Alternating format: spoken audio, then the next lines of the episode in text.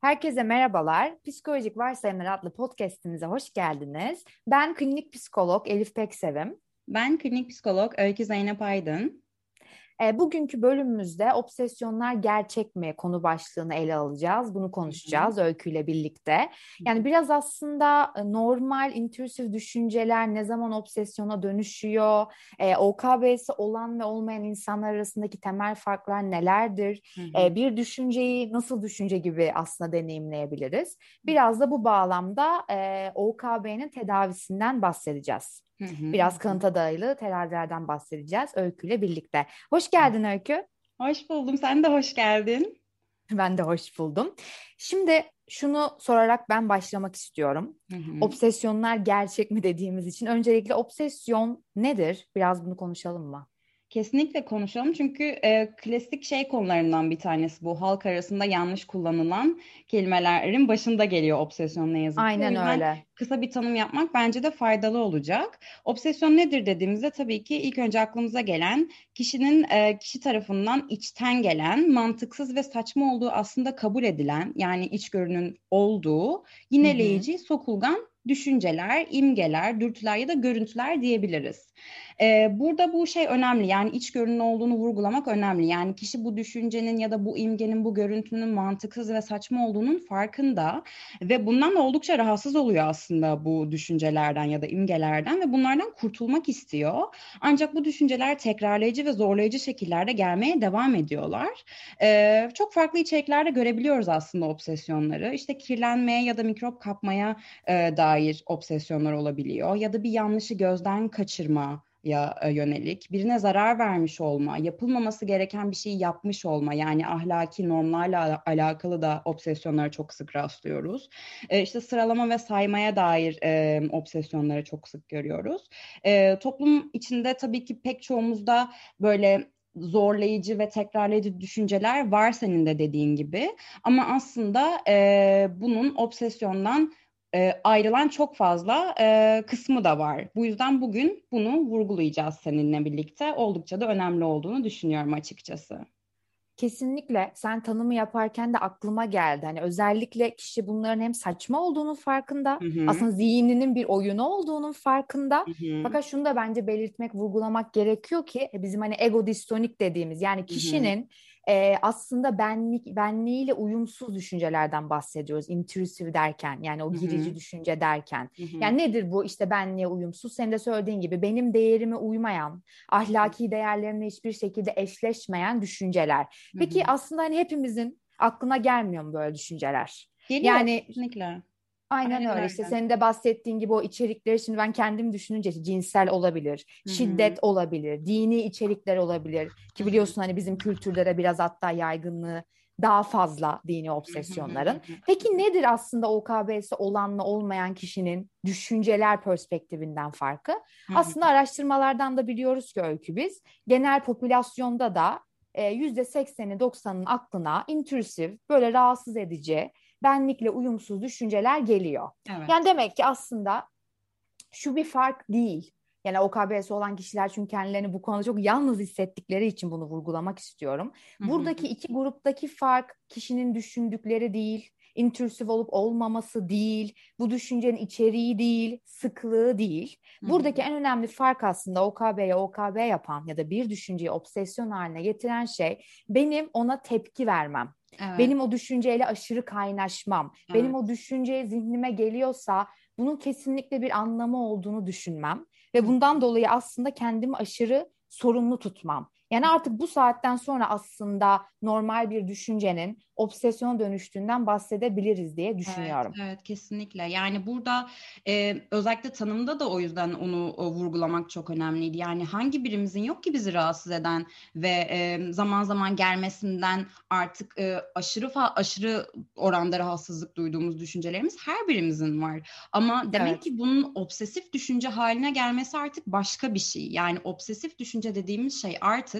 kişinin bu düşünceye inanılmaz bir gerçeklik atfetmesi. Senin de dediğin gibi burada inanılmaz bir ilişki değişimi görüyoruz düşünceyle. Yani herkesin aklına bu düşünceler gelebilecekken artık bu düşünce obsesyon boyutuna geldiğinde bu düşünceyle kişi arasındaki ilişkinin değiştiğini görüyoruz. İnanılmaz bir önem atfetme, düşüncenin gerçeklikle çok yakın ilişkili olduğunu düşünme ve mutlaka gerçekleşeceğine dair inançlara sahip olmada çok çok önemli vurgulanması gereken noktalardan bir tanesi. Bu yüzden de zaten ob- obsesif düşünce yalnızca bir düşünce değil. Yani artık obsesyona dönüşmüş durumda. Kesinlikle öyle. Yani bu vurguladığımızın şu yüzden de çok önemli olduğunu düşünüyorum Öykü. Çünkü OKB'si olan kişiler Hı-hı. kendilerine gelen düşüncelerin sadece kendilerine ait olduklarını düşündükleri için evet. biliyorsun duydukları utanç ve suçluluk hislerinden dolayı tedavi bile almak istemiyorlar. Yani bunu bir evet. terapiste dahi söylemek onlar için çok zor olduğu için şunu e, bence gerçekten bilmeleri çok önemli ki burada düşüncelerinden dolayı kendileri sorumlu değil. Mesela hani şunu da biliyoruz. OKB'si olan anne ve OKB'si olmayan annelerle bir araştırma yapılıyor mesela bu intrüsif düşüncelerin ne kadar her grupta olduğunu göstermek adına. Hı hı. Soruyorlar bazı intrüsif düşünceleri ve OKB'si olan anne ve OKB'si olmayan annelerde de içerik olarak çocuklarıyla ilgili düşündükleri intrüsif o imgeler, dürtüler aynı. Ya bak içerik olarak değişmiyor. Hı-hı. Sıklık olarak değişmiyor. Evet, alt evet. tipi olarak değişmiyor. Başına bir şey Fakat, gelecek mi düşünceleri değil mi? Kesinlikle evet. öyle. Başına bir şey gelecek mi? Ben şimdi acaba bebeğime zarar verir miyim? Özellikle böyle Hı-hı. çok yeni olan annelerle yapılan araştırmalarda. Hı-hı. Ve farka bakıyorlar ki burada değil fark. O zaman bu bize ne gösteriyor? Kişini gerçekten OKB yapan yani o kaygısını arttıran şey bu düşüncenin varlığı değil.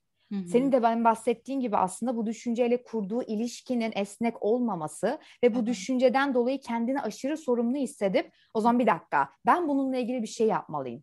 Evet. Zaten bu yüzden OKB'si olan anneler biliyorsun artık öyle bir boyuta geliyor ki bu durum. Hı. E, düşüncelerinden ötürü kendilerini o kadar suçluyorlar ki okey ben bebeğime zarar verebilirim. Çünkü zihnim bana bunu söylüyor. Bu yüzden ben artık bebeğimle vakit geçirmeyeyim. Bebeğimden uzak durayım deyip maalesef böyle bir evet, evet. davranışa da kaçınma davranışına da götürebiliyor.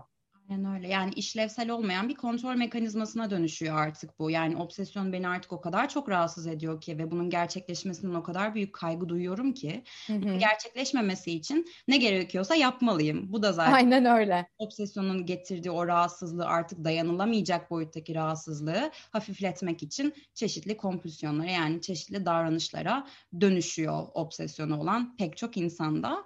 Ee, burada az önce bahsettiğin gibi şey de önemli bence Elif. Yani düşüncemin kontrolü de kontrolü de bende inancı da var ya mesela obsesyon. Evet. Yani e, ben bir şeyler yapabilirim bu düşüncenin ortadan kalkması için. Yani hepimiz de diyoruz ya bu düşünceler var. Hangi birimizin aklından geçmiyor? Ama belki bu obsesyon boyutuna dönüşmemiş kişilerde böyle arkada hafif müzik gibi çalarken bu düşünceler obsesyondan söz ettiğimizde artık böyle kulağın dibinde bangır bangır çalan bir müzik gibi düşünebiliriz evet. bunu. Ve evet. kişi de tabii ki diyor ki yani ben bir şeyler yapmalıyım bununla ilgili. Yani ben bunu kontrol etmeliyim. Ben artık duramayacağım bununla bununla birlikte, yaşayamayacağım bununla birlikte diyerek artık bu e, bu ızdırabı hafifletmek için kompulsiyonlara başvurmayla da sonuçlanıyor. Aynen öyle. Yani demin dedin ya OKB'si olmayan kişiler belki de hakikaten o arkadaki sesi olduğu gibi bırakıyorlar. Yani gidip o sesi kısayım, şimdi o sesi ortadan kaldırayım gibi bir stratejiye girmiyor. Ama OKB'si olan kişiyi de e, şu bakımdan aslında söylemek gerekiyor. Neden gidip o sesi kısma ihtiyacı hissediyor? Çünkü düşünsene bir insanın zihni şöyle çalışıyor. Eğer bu düşünce benim aklıma geliyorsa ben kesinlikle bununla ilgili bir şey yapabilirim. Hani burada belki bu bilişsel hatalardaki o düşünce eylem kaynaşmasını da vurgulamak önemli öykü. Yani şöyle söylüyor bu düşünceler beni istemediğim eylemleri yaptıracak kadar güçlü olabilir. Bu yüzden zaten OKB'si olan anne hani o riski almaktansa zihni ona diyor ki bak bu riski alma hı hı. çocuğunla zarar verebilirsin bu yüzden çocuğunla görüşme ve hı. kişi gerçekten de bu bedeli ödüyor. Çünkü hı. o düşüncenin yani zarar vermeyi düşünüyorsam gerçekten bebeğime zarar verebilirim. Ya düşüncenin gücünü atfettiği anlam senin söylediğin gibi OKB'si olan bireylerde inanılmaz derecede fazla. Hı. Mesela şey de olabilir. İşte hepimizin hani aklına gelir ya ara sırada sevdiğimizin başına kötü bir şey geleceği işte annem trafik kazası işte geçirir gibi mesela. Şimdi bazılarımız gerçekten dediğin gibi arkada böyle bir vızırtı gibi onu bırakıyoruz. hiçbir şey yapmıyoruz bu düşünceyle. Gelip evet. gitmesine izin veriyoruz. Evet. Ama OKB'si olan kişinin hani o bir düşüncenin olayın da sıklığını arttırıp azaltacağına inanıyor. Yani ben bunu düşünüyorsam hakikaten annem trafik kazası geçirebilir. Sırf ben böyle düşündüğüm için. Hı hı. Ve tabii ki de bunu inanan kişinin kaygısının artmasını da ben çok normal karşılıyorum. Yani sistem varlıktan, düşüncenin varlığında kopmuyor. Düşünceyle ilişkimi bu şekilde kurduktan sonra zaten evet kaygılanıyorum ve senin dediğin o kompulsif işte o tekrarlayıcı ritüellere giriyorum. Çünkü hepimiz e, kaygıyı azaltmak için sahte önlemler alma eğilimindeyiz. Evet. Aynen öyle bir de özellikle bizim toplumumuzda zaten yerleşmiş bir takım e, şey davranışları var ya mesela aklımızdan bir şey geçti işte sevdiğim biriyle ilgili onun öleceğiyle ilgili ya da ona kötü bir şey olacağıyla ilgili sonra işte hemen tahtaya vurarız ya da bir şeyler yaparız. Değil mi? Üç kere. Evet evet. Bu yüzden de insanlarda mesela bununla ilgili yanlış algılar oluştuğunu düşünüyorum. Yani işte çok obsesifim bu konularda mesela. deriz ya işte ya, evet. artık bu konu benim için çok önemli yani hep bunu düşünüyorum. Aklımdan çıkartamıyorum obsesyon artık benim için. falan diye. Ee, ne yazık ki toplum arasında bu yerleşmiş şeyler yüzünden de yanlış e, algılar var. Ama e, düzeltmek senin de dediğin gibi çok önemli. Çünkü çok çok gerçekten de belirgin farklar var e, sıradan bir düşünceyle artık obsesyon boyutuna ulaşmış düşünceler arasında. Evet. Kesinlikle. Dediğin gibi bu arada kültürel altyapımız ne kadar müsait. Çok müsait. Ben de mesela şimdi Baltuz inançlarım düşününce ne bileyim kötü bir şey geçer. Üç kere tahtaya vurur. neden? Ama hani vurmadığında vurunca, Vurmadığında evet, ne olur? Bir şey Vurmadığımda yani şöyle büyük ihtimalle kişinin kaygısı artıyor ve diyor ki evet. bir dakika ben bunu yapmazsam hakikaten annemin başına bir şey gelecek ve bu benim suçum. Bak ne kadar aslında yine OKB ya giden bir eğilim. O artık Bizim gitmeye doğru deriz var. değil mi böyle bir şey duyarsak? Ama evet evet o zaman. Bu benim için alışkanlık artık. Yapsam da olur yapmasam da olur. Mesela birisi bana desek ki işte vurma şeyini elini e, üç kere tahtaya. Ya tamam vurmam ne olacak yani? yani alışkanlık olarak yapıyorum zaten ya da öylesini evet. yapıyorum dersin. Ama ne zaman ki vurmazsam gerçekten bir şey olacak. Senin dediğin o düşünce eylem kaynaşmasına e, doğru giden bir şey duyabiliriz orada artık. Yani gerçekten bunu yapmazsan bu kompulsiyonu gerçekleştirmezsen annene gerçekten bir şey olacağına ilgili riski arttırdığını mı düşünüyorsun noktasında artık orada bir e, farklı bir duyuş e, olmalı diye düşünürüz gerçekten de. Aynen öyle yani o baltılı inançlar tabii ki de her zaman evet. senin de dediğin gibi Ama obsesyon değil. müsait. Dedi. Evet evet çok müsait. Özellikle o dini hani obsesyonların belki bir tık Var. daha sık olması da bizim kültürde hani buradan e, gelen bir şey olabilir diye düşünüyorum. Evet, Peki evet e, hani böyle konuştuk biraz normal düşünceleri neler obsesyon yapar, bizim kültürel yapımızın aslında bunu ne Hı-hı. kadar beslediğini, e, intrusif düşüncelerin varlığının aslında burada bir önem atfetmediğini ama benim o düşünceye verdiğim anlamın artık yorumlayış biçimimin obsesyon yaptığını. Peki ne yapacağız Öykü OKB'nin tedavisinde? Evet, Sana sormak yani... istiyorum bir klinisyen olarak. Şu an e, zaten ikimiz de kognitif terapilerle çalıştığımız için yani kanıta dayalı terapilerle çalıştığımız için bunlarla ilgili aslında geliştirmiş pek çok yöntem var. E, en başında zaten işte klasik bilişsel davranış terapinin e, uyguladığı yöntemlerden bahsedersek en başta kişiye psiko eğitim vermenin ne kadar önemli olduğunu konuşabiliriz diye Hı. düşünüyorum. Hani podcast'in başında da söyledik ya çok yanlış bilinen konulardan bir tanesi bu. Dile pelese evet. konulardan bir tanesi bu.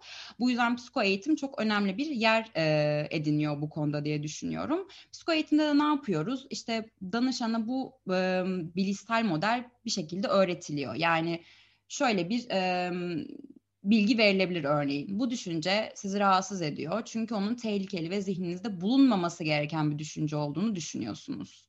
Burası önemli bence. E, çünkü ne kadar tehlikeli olarak algılıyorsanız ve ne kadar bulunmaması için çabalıyorsanız paradoksal bir şekilde bu düşünce daha çok zihninizde belirmeye başlıyor. Ama aslında bu düşünce bir obsesyon ve herhangi bir anlamı yok diye örneğin psiko eğitimde e, düşüncenin e, yani fact olmadığı, bir gerçeklik olmadığı ile ilgili güzel bir e, bilgilendirme yapılabilir. Ardından işte danışanın bu düşüncele, düşüncelerle ilgili inançları, varsayımları ele alınabilir. Ee, işte kişinin bu obsesyonları ortadan kaldırmak için nelere başvurulduğu yani kompulsiyonlarının neler olduğu konuşulabilir. Ee, kognitif terapide yani bilişsel davranış terapide daha çok e, kompulsiyonları ortadan kaldırma yönelik bir terapi uygulanır senin de bildiğin gibi. Yani bu kompulsiyonları yapma ihtiyacını hissettiğinde çünkü bu obsesif düşünce seni çok rahatsız edecek çok rahatsız evet. edecek. Duramayacaksın onunla. Ve kompulsiyonuna başvurmak isteyeceksin. Ama bir kal bakalım o rahatsızlık hissiyle. Bakalım ne olacak, ne kadar kalabileceksin, neler yaşayacaksın, neler hissedeceksin gibi e, toparlamak gerekirse böyle bir kompulsiyonu engelleme çalışması yapılabilir aslında klasik BDT'de. Sen ne eklemek istersin?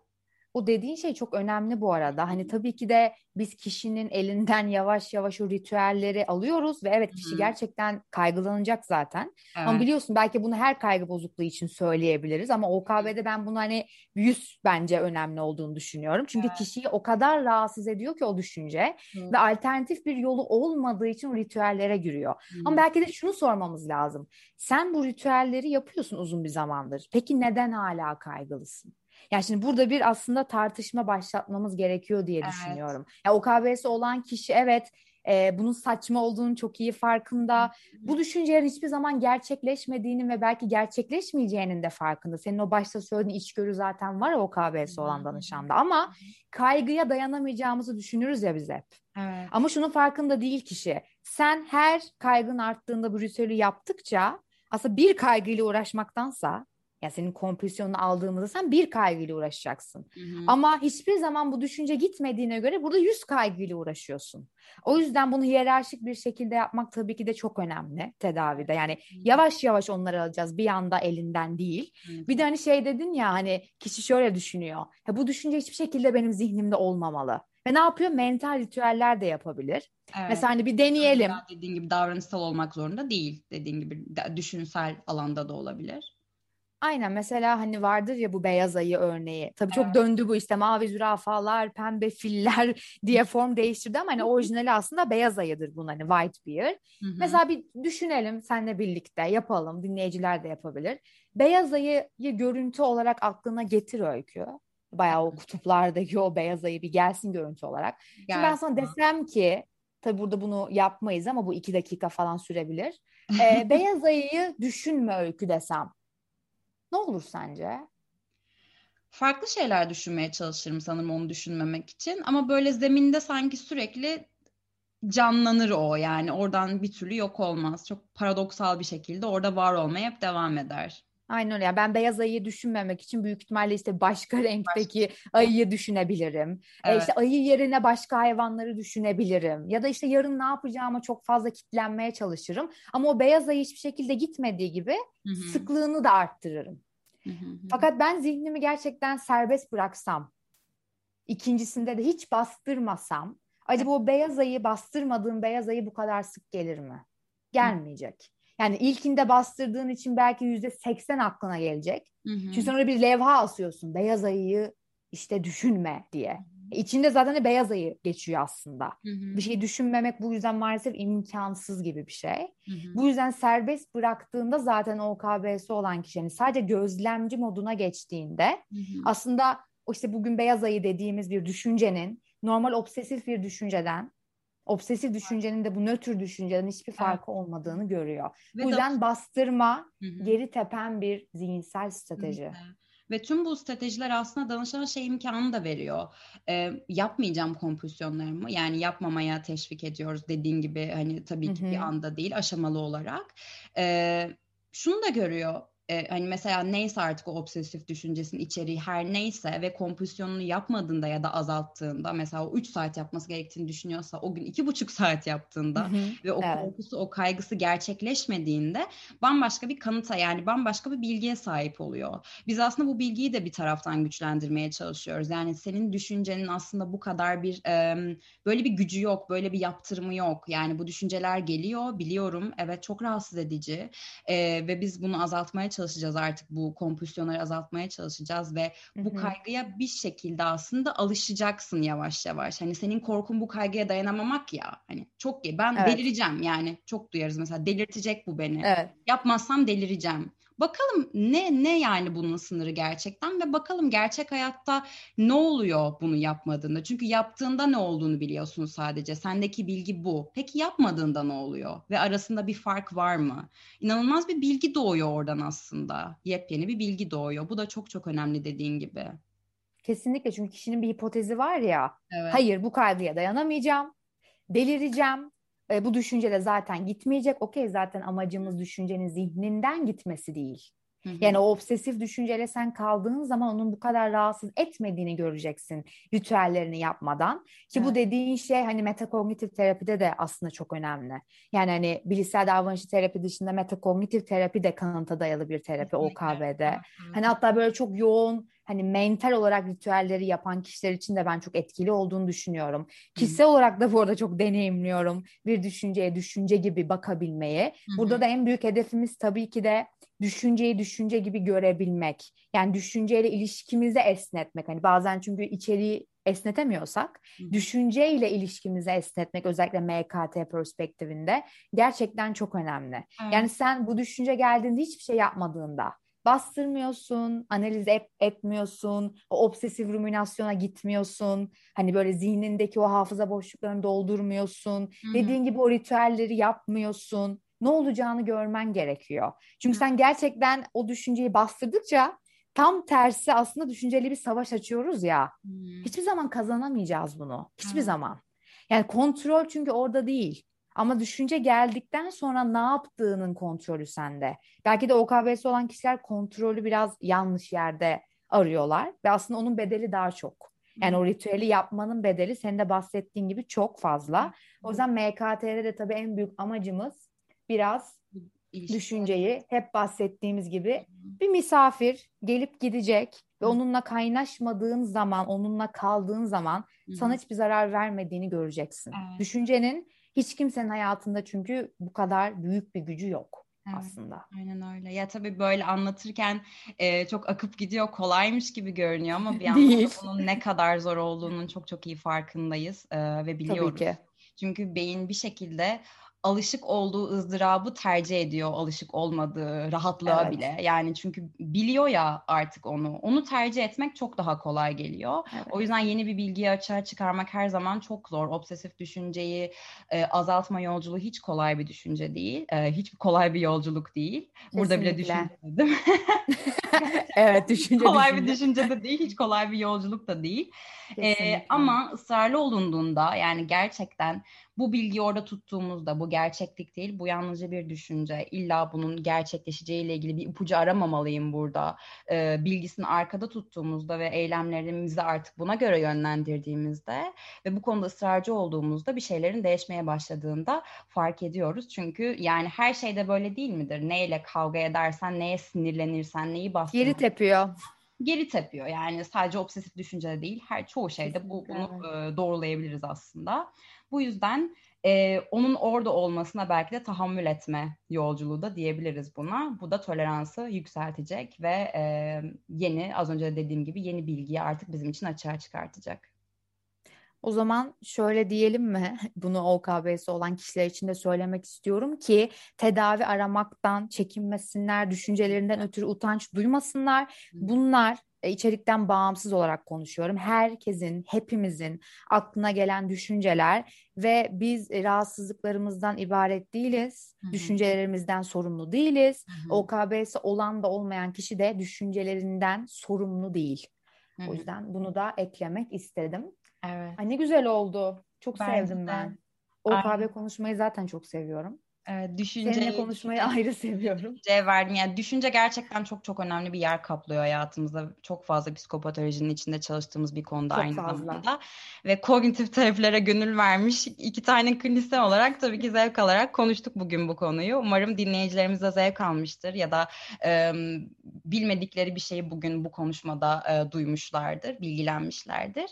Umarım keyif almışsınızdır. Bir sonraki bölümümüzde e, görüşmek üzere diyelim o zaman. Kendinize çok çok iyi bakın. İyi bakın kendinize. Hoşçakalın. Hoşçakalın.